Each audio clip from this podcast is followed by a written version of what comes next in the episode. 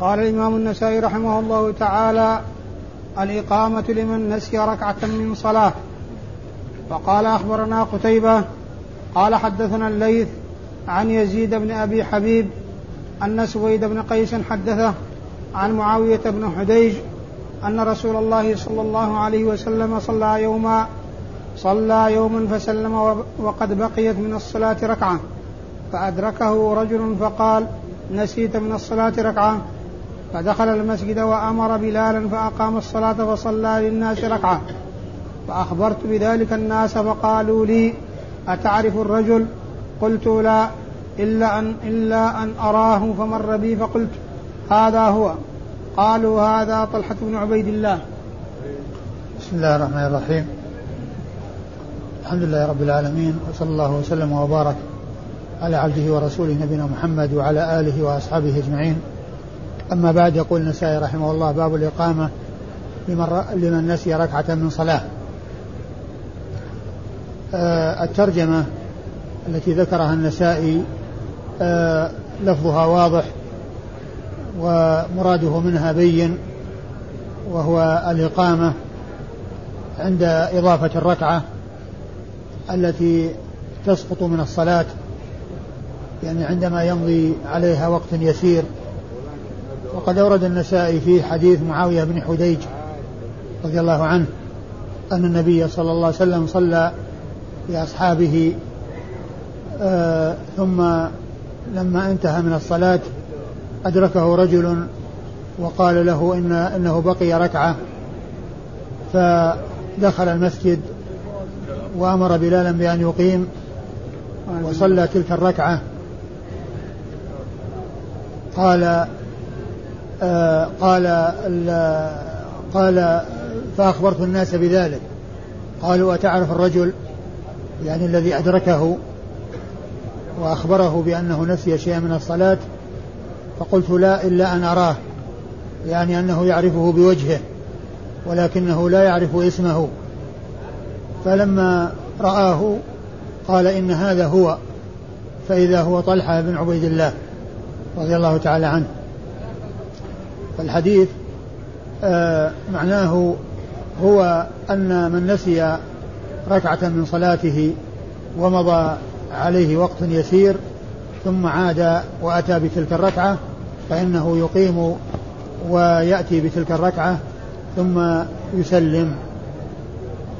ومن المعلوم أن أن سجود السهو أن هذا فيه سهو ولا بد من سجود السهو وإن لم يذكر في الحديث عدم ذكره لا يدل على عدم عدمه لأن السهو للصلاة جاءت به الشريعة عن رسول الله جاءت به السنة عن رسول الله صلوات الله وسلامه وبركاته عليه.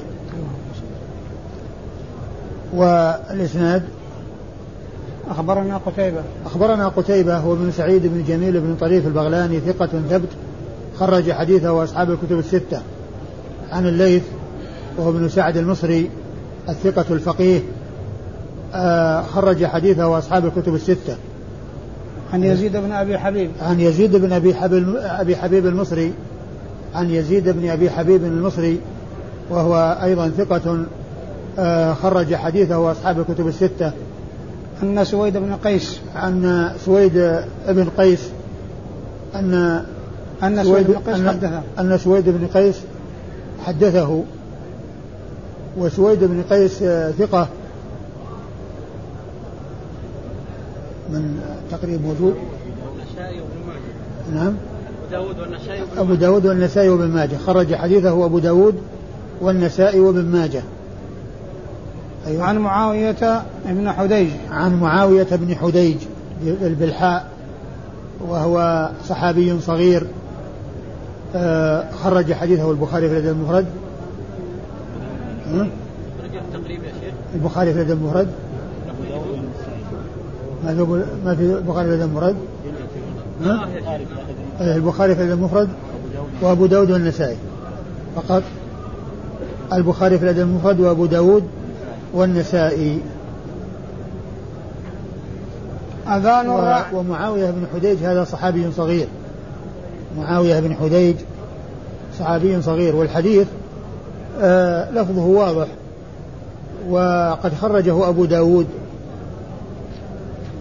والشيخ الألباني صححه. وخرجه أبو داود. لكن ما تكلم عليه في عون المعبود بشيء. يعني لم يأتي آه له بشرح.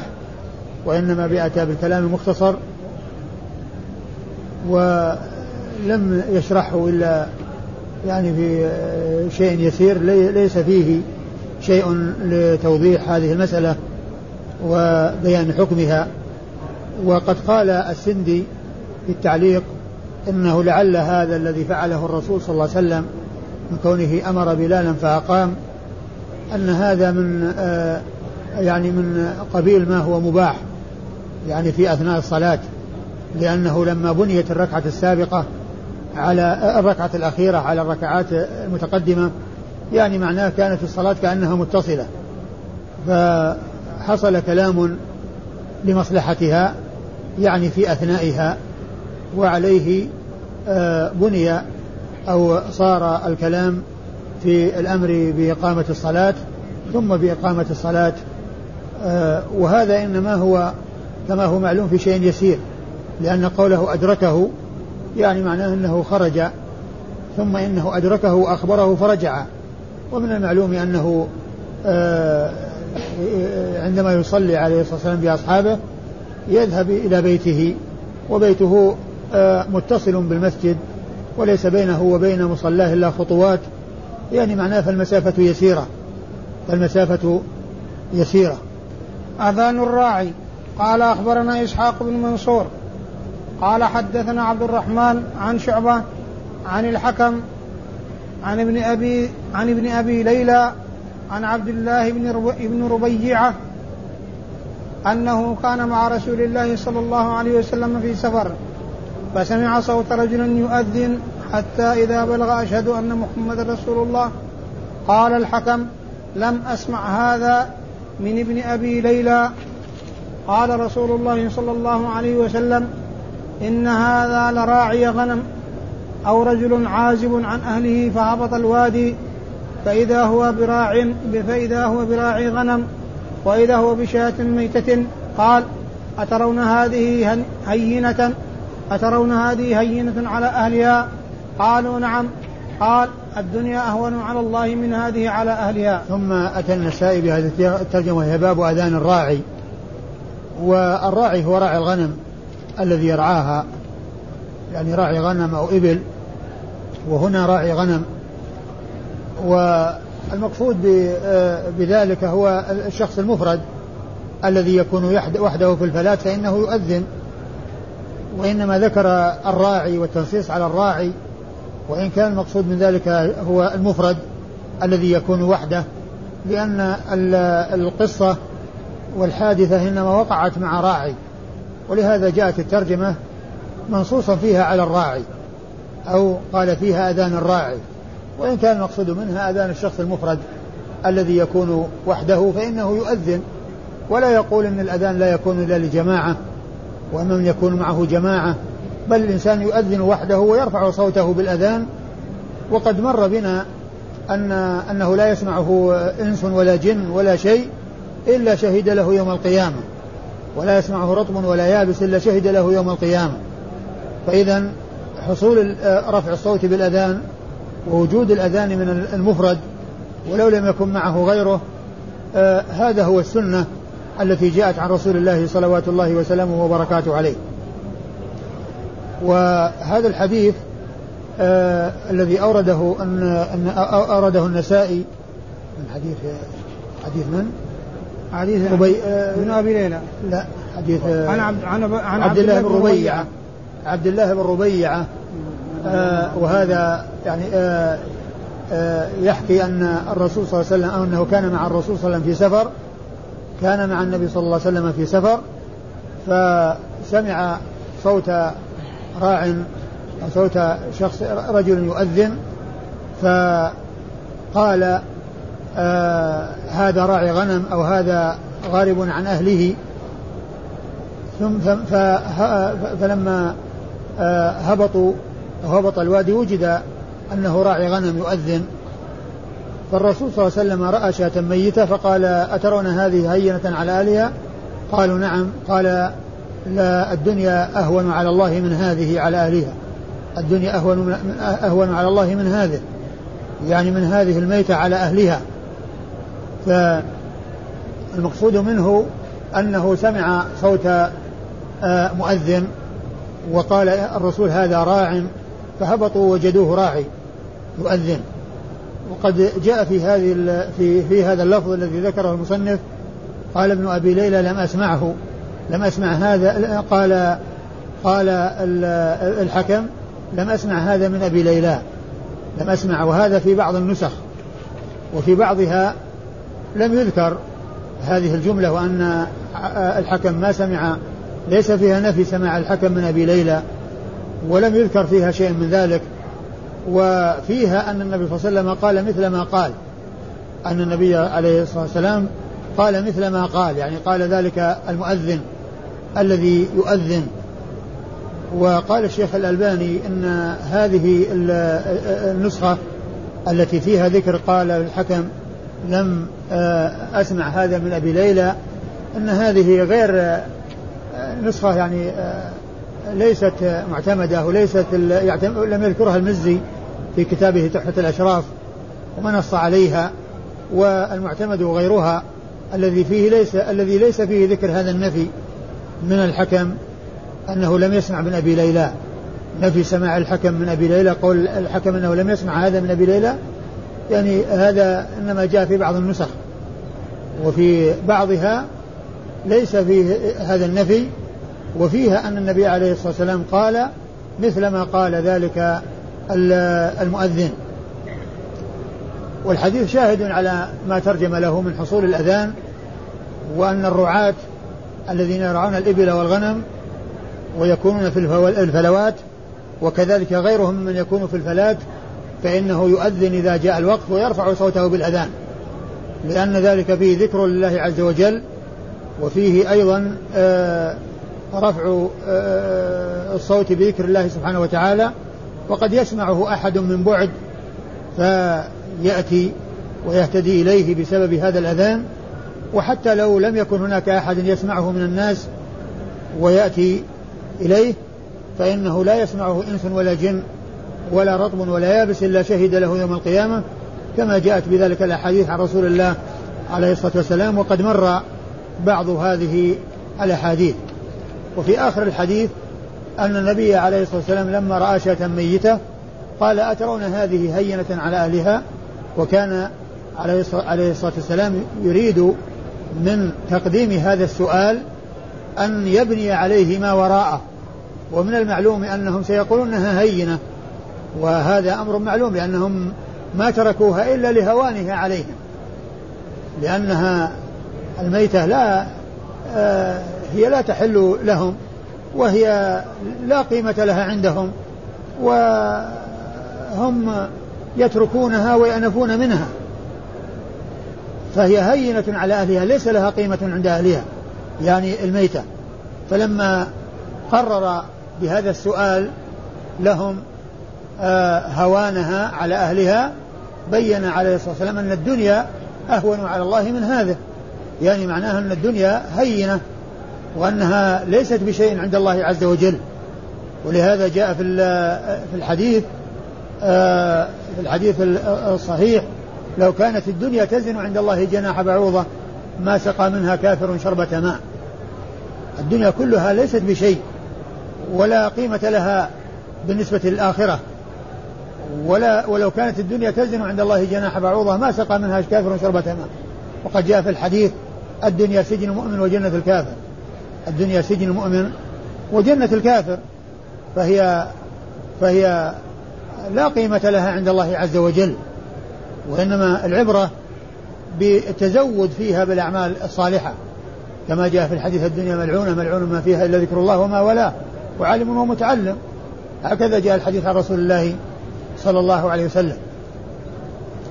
وفي هذا بيان آآ آآ التنبيه على آه، آه، على قيمة الشيء أو على على دناءة الشيء وهوانه تقرير شيء آه، قبله آه، واضح أنه هين وأنه لا, شيء لا قيمة له ولا عبرة به. وذلك كونه سألهم أترون هذه هينة على أهلها؟ فلما قالوا نعم بعد ذلك أتى بالكلام الذي أراده وجعل هذا تمهيدا له وهو قوله للدنيا أهون على الله من هذه على أهلها. إسناد؟ السند قال أخبرنا إسحاق بن منصور. قال قال النسائي أخبرنا إسحاق بن منصور وهو ابن بهرام الكوسج وهو ثقة ثبت خرج حديثه أصحاب الكتب الستة إلا أبا داود. خرج حديثه أصحاب الكتب الستة إلا أبا داود فإنه لم يخرج له شيئا. أيوه. قال حدثنا عبد الرحمن. قال حدثنا عبد الرحمن وهو بن مهدي المحدث الناقد آه خرج حديثه أصحاب الكتب الستة. وهو من الثقات الأثبات وحديثه عند أصحاب الكتب الستة وهو من أئمة الجرح والتعديل. أيوه. عن شعبة. عن شعبة بن الحجاج آه قد وصف بأنه أمير المؤمنين في الحديث وهو من أعلى صيغ التعديل وحديثه أخرجه أصحاب الكتب الستة. عن الحكم. عن الحكم بن عتيبة الكندي الكوفي وهو ثقة فقيه وحديثه أخرجه أصحاب الكتب الستة. الحكم بن عتيبة. عن ابن أبي ليلى. كثيرا ما يأتي في, في, في, في النسخ في الكتب ابن عيينة وهو تصحيف وهو ابن عتيبة. الحكم بن عتيبة. كثيرا ما يأتي ذكره في الكتب خطأ يقال فيه الحكم بن عيينة. وليس هو الحكم بن عيينة وإنما هو الحكم بن عتيبة. وحديثه أخرجه أصحاب الكتب الستة. عن ابن أبي ليلى وهو عبد الرحمن بن أبي ليلى. المحدث الفقيه وهو ثقة خرج حديثه أصحاب الكتب الستة. و و ابنه محمد له ابن ابن اسمه محمد وهو ضعيف وهو فقيه معروف بالفقه ومشهور بالفقه ولكنه ضعيف في الحديث. وأبوه عبد الرحمن هذا من التابعين وأخرج حديثه أصحاب الكتب الستة وهو الذي روى عن كعب بن عجرة حديث الصلاة على النبي صلى الله عليه وسلم والذي قال في فيه لقيني كعب بن عجرة وقال ألا أهدي لك هدية سمعتها من رسول الله صلى الله عليه وسلم؟ قلت بلى فهديها إلي. قال خرج علينا رسول الله صلى الله عليه وسلم فقلنا قد علمنا كيف نسلم عليك فكيف نصلي عليك؟ قال قولوا اللهم صل على محمد وعلى آل محمد كما صليت على إبراهيم وعلى آل إبراهيم إنك حميد مجيد. اللهم بارك على محمد وعلى آل محمد كما باركت على إبراهيم وعلى آل إبراهيم إنك حميد مجيد. هذه الهدية التي أهداها كعب بن عجرة إليه. وهو هذا هو عبد الرحمن. راوي حديث الصلاة على النبي صلى الله عليه وسلم عن كعب بن عجرة والذي صدره كعب بن عجرة بقوله لعبد الرحمن هذا ألا أهدي لك هدية؟ سمعتها من رسول الله صلى الله عليه وسلم. عن؟ عن عبيد الله بن ربيعة. عن عبيد الله عن عبد الله عبد الله, عبد الله عن عبد الله بن ربيعة وهو صحابي صغير أخرج حديثه. من أخرج حديثه؟ البخاري في الأدب وأبو داود والنسائي. البخاري في الأدب وأبو داود والنسائي. البخاري في الأدب وأبو داود والنسائي. وهو معاوية ابن حديج بالحاء. وهذا غير والد آه زهير بن معاوية بن حديج الذي سبق أن مر بنا ذكره أبو خيثمة لأن ذاك متأخر اللي هو والد والد أبو, والد أبي خيثمة زهير بن معاوية بن حديج. يعني هذا صحابي صغير متقدم وأما ذاك فهو متأخر الذي هو والد أبي خيثمة. زهير بن معاوية بن حديج ليس هذا أبا لذاك لأن أبا ذاك متأخر وأما هذا صحابي متقدم. الأذان لمن يصلي وحده.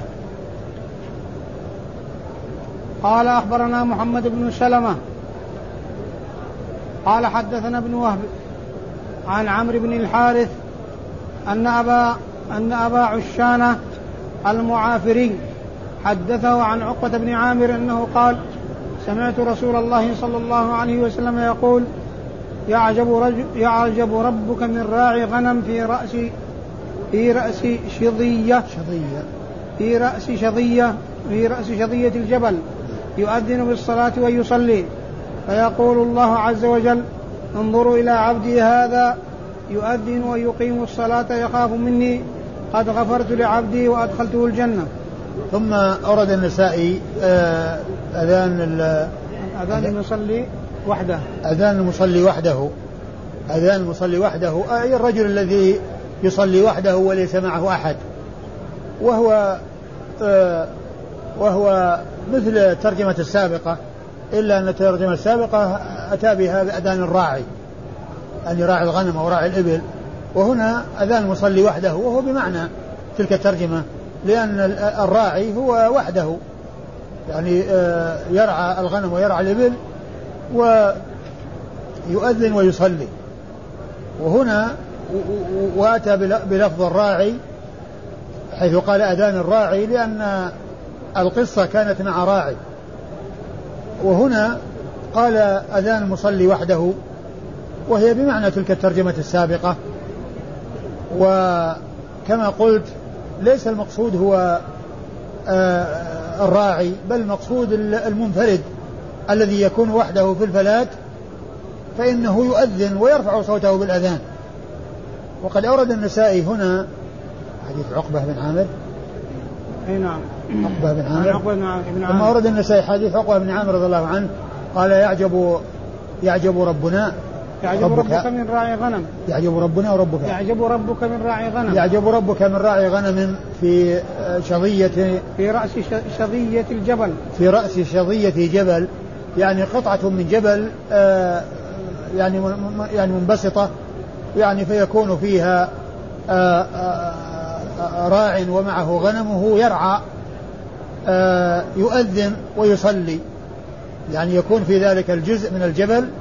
المكان المرتفع المنبسط ترعى غنمه في ذلك المكان وإذا جاء الوقت أذن وصلى يعجب الله عز وجل منه ويقول انظروا إلى عبدي آه، آه، يخاف مني. انظروا إلى عبدي هذا يؤذن ويقيم الصلاة يخاف مني. يؤذن ويقيم الصلاة يخاف مني. آه قد غفرت لعبدي وأدخلته الجنة. قد غفرت لعبدي وأدخلته الجنة. والحديث يدل على مشروعية الأذان للمنفرد وأن وأن في ذلك آه، الأجر العظيم من الله عز وجل وأن الله تعالى يعجب من صنيع يعني آه هذا أو من يكون كذلك. وفي إثبات صفة العجب لله عز وجل على ما يليق بكماله وجلاله.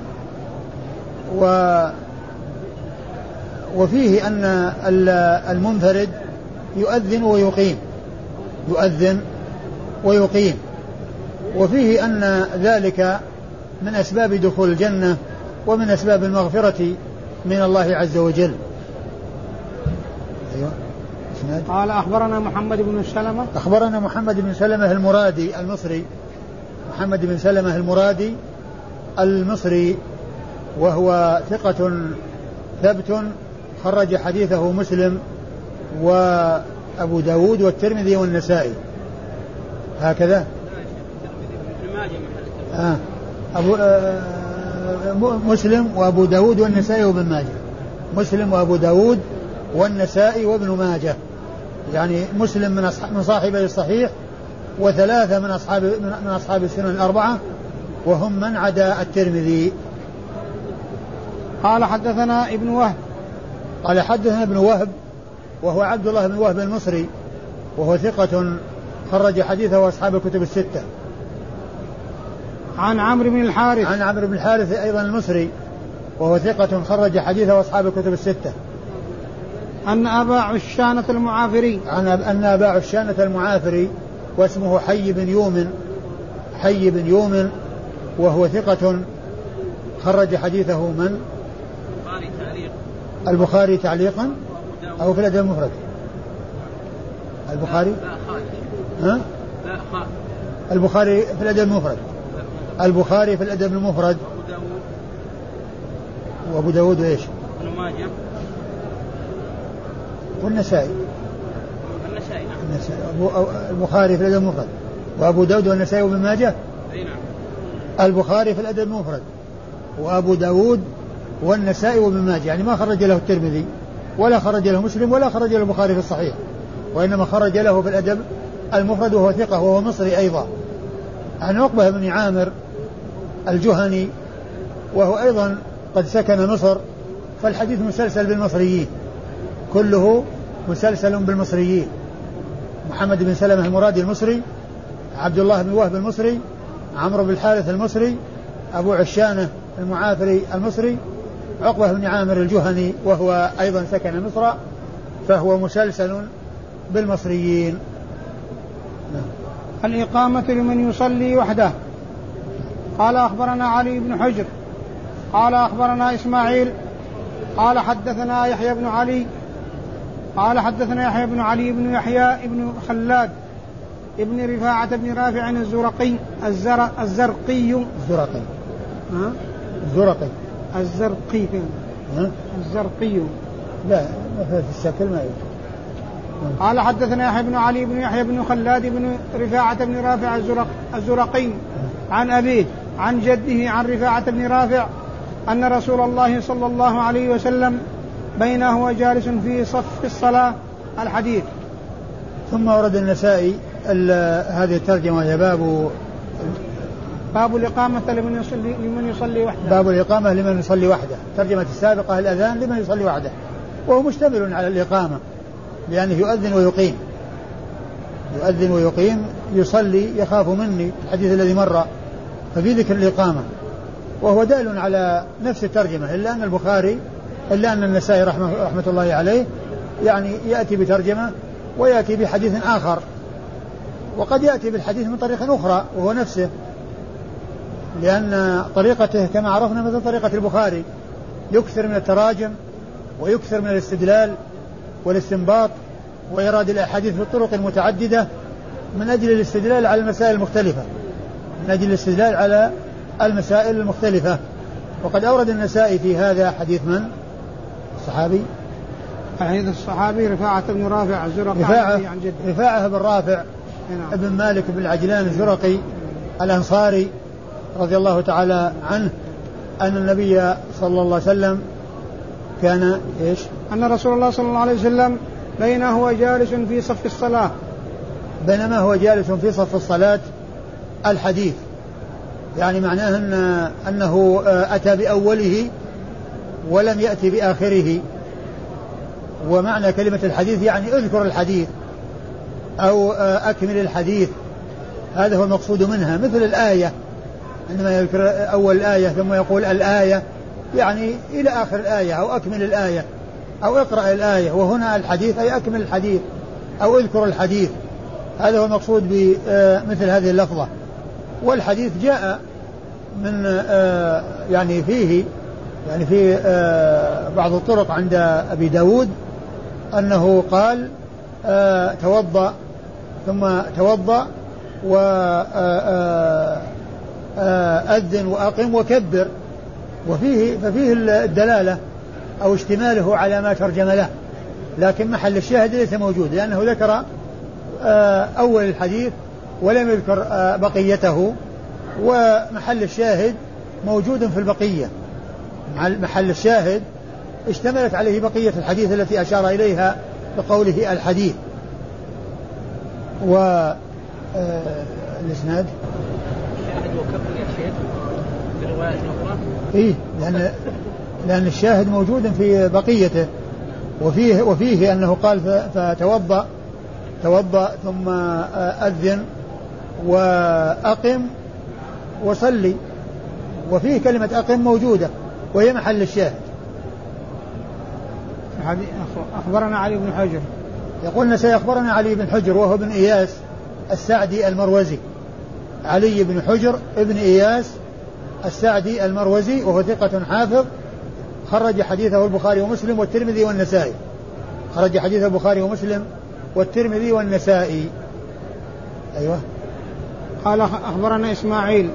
قال أخبرني إسماعيل هو ابن علية إسماعيل بن إبراهيم بن مقسم آه المشهور بابن علية وهو ثقة ثبت خرج حديثه أصحاب الكتب الستة.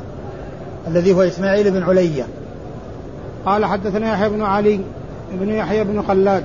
قال حدثني يحيى ابن علي ابن يحيى ابن خلاد بن رفاعة ابن رافع الزرقي.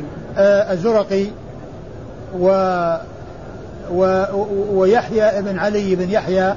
هذا مقبول مقبول خرج حديثه النسائي.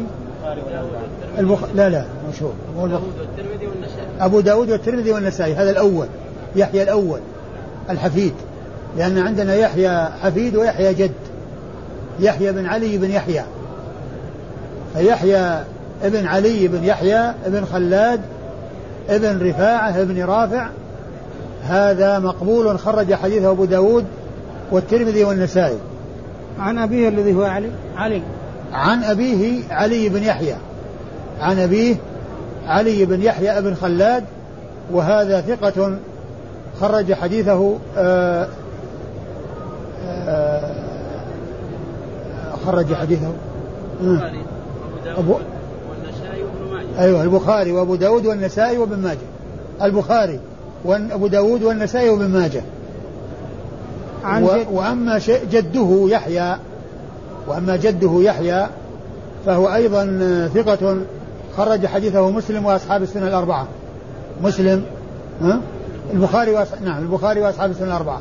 لم يخرج له مسلم. لم يخرج له مسلم بل خرج له البخاري وأصحاب السنة الأربعة. هذا يحيى الجد.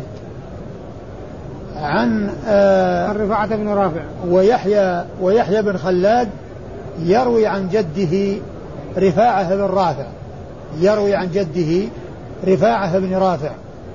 ورفاعة بن رافع صحابي من أصحاب رسول الله.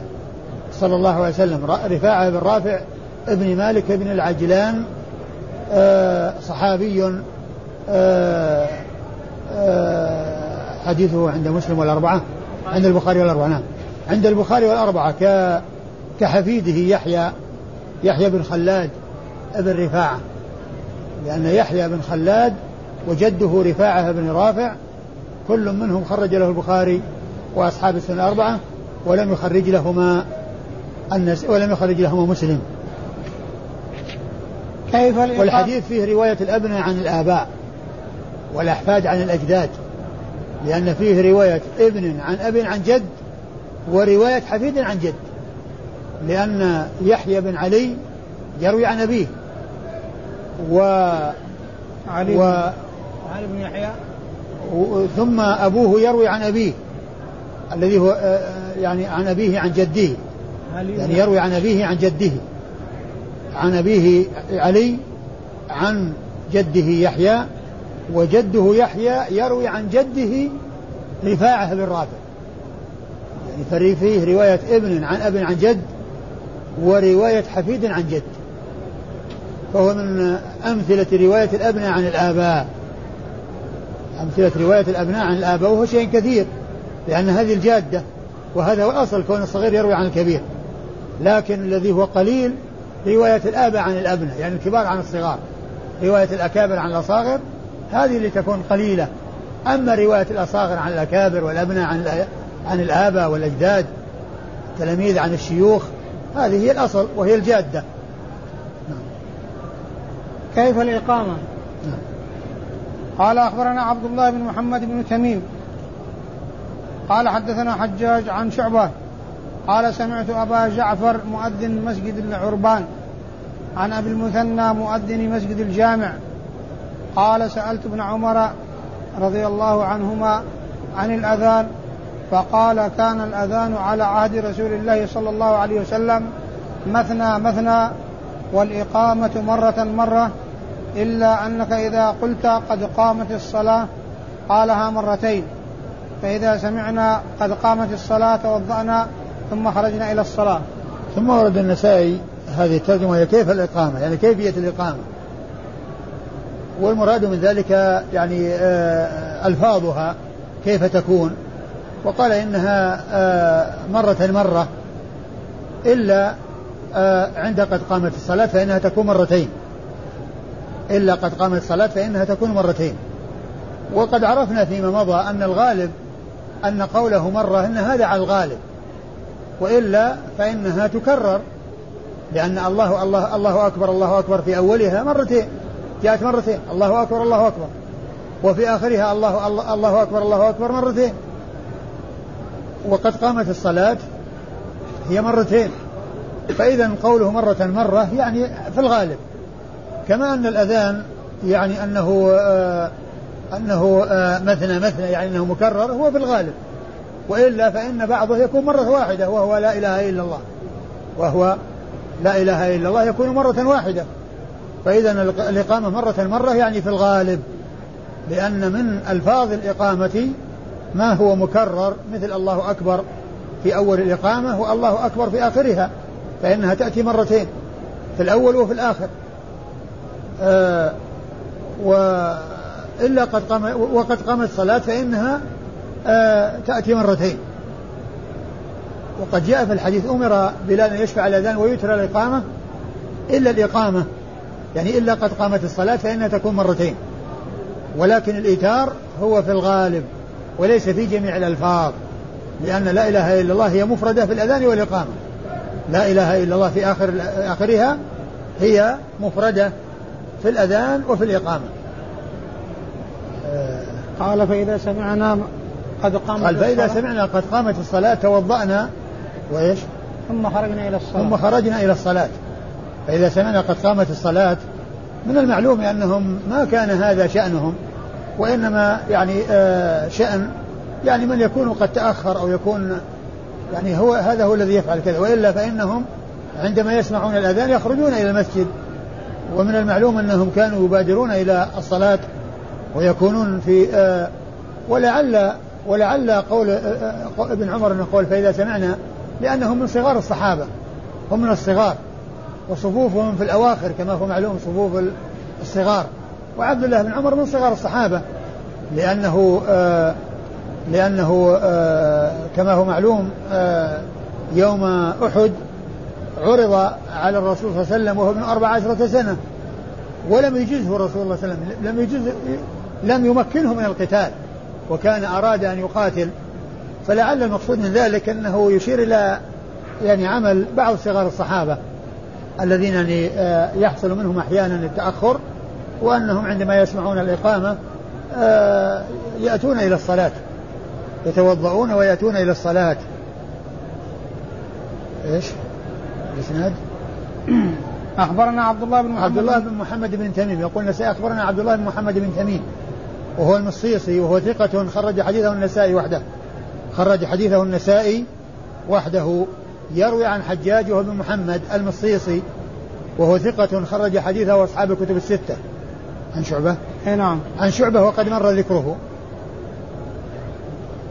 قال سمعت أبا جعفر. قال سمعت أبا جعفر. مؤذن مسجد العربان.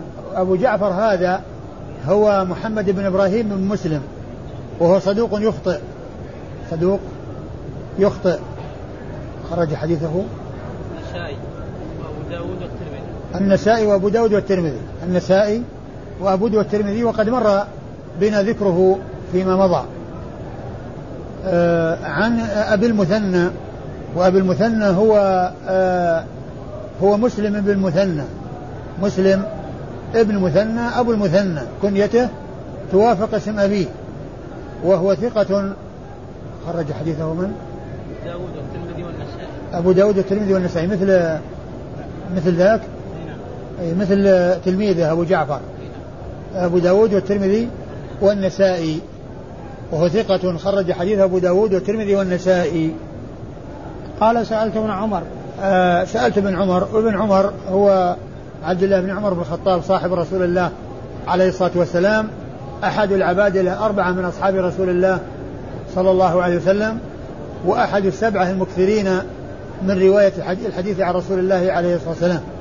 والعبادلة الأربعة هم عبد الله بن عمر وعبد الله بن عباس وعبد الله بن عمر وعبد الله بن الزبير صحابة أبنى صحابة وهم من صغار أصحاب رسول الله صلى الله عليه وسلم.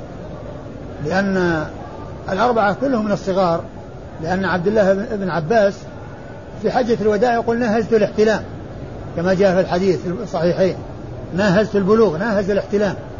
وابن عمر أيضا من الصغار لأنه يوم أحد تقدم يريد الجهاد وعمره 14 سنة والرسول ما أجازه.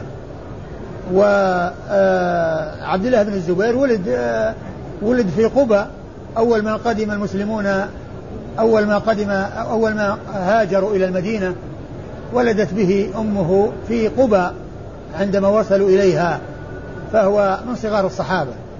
لأنه آه، توفي رسول الله عليه الصلاة والسلام وعمره عشر سنوات لأنه ولد في أول الهجرة والرسول عاش في بقي في المدينة عشر سنوات ثم توفاه الله. فلما توفي رسول الله عمره عشر سنوات هو من صغار الصحابة. وعبد الله بن عمر أيضا هو من صغار الصحابة. فهم عبادلة أربعة في طبقة واحدة وأسنانهم متقاربة وقد يعني عاشوا ولقيهم آه، كثير من التابعين الذين لم يلقوا مثل عبد الله بن مسعود الذي توفي سنة 32 وبعض العلماء يعده في العبادة الأربعة والصحيح أنه ليس منهم وإنما آه، هم هؤلاء الأربعة الذين ذكرت. والفقه وابن عمر أيضا هو أحد السبعة المكثرين من رواية حديث رسول الله صلى الله عليه وسلم. والذين قال فيهم السيوطي في الألفية والمكثرون في رواية الأثر أبو هريرة يليه بن عمر وأنس والبحر كالخدري وجابر وزوجة النبي. فابن عمر رضي الله تعالى عنهما هو أحد هؤلاء السبعة المكثرين من رواية حديث رسول الله صلى الله عليه وسلم. وهو أيضا من المعروفين بكثرة الفتوى كما عرفنا في المصطلح فهو معروف بكثرة الحديث ومعروف بكثرة الفتوى. إيش المكتوب عندكم؟ نعم.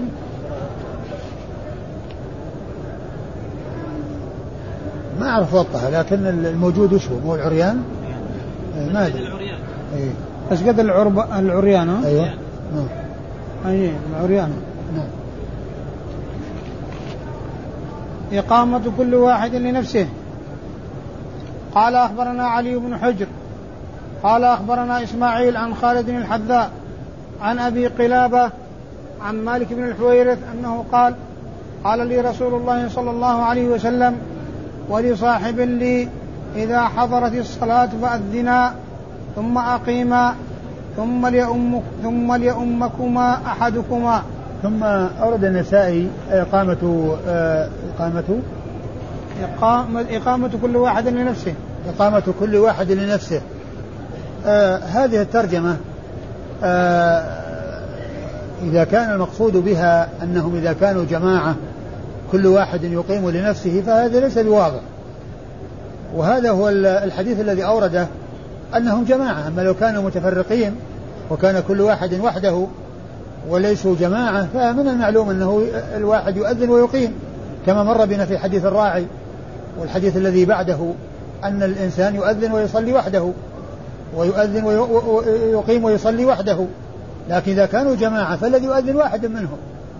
الذي يؤذن واحد منهم ويقيم واحد منهم. يؤذن واحد منهم ويقيم واحد منهم. وليس كل واحد يؤذن وكل واحد يقيم. ولفظ هذه الترجمة قد يفهم منه أو قد يكون يعني ظاهره أو ظاهره أن كل واحد يقيم. بنفسه. والحديث لا يدل على ذلك لأن قول أذن وأقيم يعني يوجد الأذان منهما. يعني معناه أن أن أنه يتعين عليهما أن يوجد الأذان منهما ووجوده بفعل واحد منهما. لكن الخطاب موجه إليهما جميعا. لكن ليس معنى ذلك أن كل واحد يؤذن ثم ينادون بالأذان وهم في مكان واحد وهم جماعة واحدة لا. وإنما المقصود من ذلك أنهم مأمورون بأن يوجد الأذان لكن الذي يقوم به واحد منهما. ولهذا جاء في بعض الروايات يؤذن أحدكم وليؤمكم أكبركم يؤذن أحدكم وليؤمكم أكبركم كما جاء في نفس بعض روايات حديث مالك بن حويرث رضي الله عنه. فالظاهر أن المقصود من الحديث هو أنهم لا يؤذنان جميعا ولا يقيمان جميعا وإنما يؤذن واحد منهم وإنما يؤذن واحد منهم ويقيم واحد منهم. هذا هو الذي يفهم. وأما قول أذن وأقيم أقيم ليس معناه أن كل واحد منهما يؤذن. قيل له الحذاء لأنه كان يجالس الحذائين أو أنه كان يقول احذوا على كذا يعني بأن آه، يرسم ويقول اعمل آه، الحذاء. على هذا المقياس وعلى هذا المنوال فكان فقيل له الحذاء لهذا والمتبادر إلى الذهن أن الحذاء هو الذي يبيع الحذاء أو يصنعها إما يصنعها أو يبيعها. هذا هو المتبادر ونسبته ليست من المتبادر وإنما لكونه يجالسهم أو يقول احذوا على كذا فهذا ليس مما يتبادر إلى الذهن. عن أبي قلابة عن أبي قلابة وهو عبد الله بن و وخالد الحذاء حديثه أخرج أصحاب الكتب الستة. وأبو قلابة عبد الله عبد الله بن زيد الجرمي وهو ثقة كثير الإرسال وحديثه أخرجه أصحاب الكتب الستة أيضا. عن عن عن مالك بن الحويرث عن مالك بن الحويرث صاحب رسول الله صلى الله عليه وسلم وقد مر حديثه قريبا ومن خرج حديثه. الجماعة خرج حديثه أصحاب الكتب الستة. وبعده الأذان. نعم. فضل التأذين. نعم. آه، والله تعالى أعلم وصلى الله وسلم وبارك على عبده ورسوله نبينا محمد وعلى آله وأصحابه أجمعين.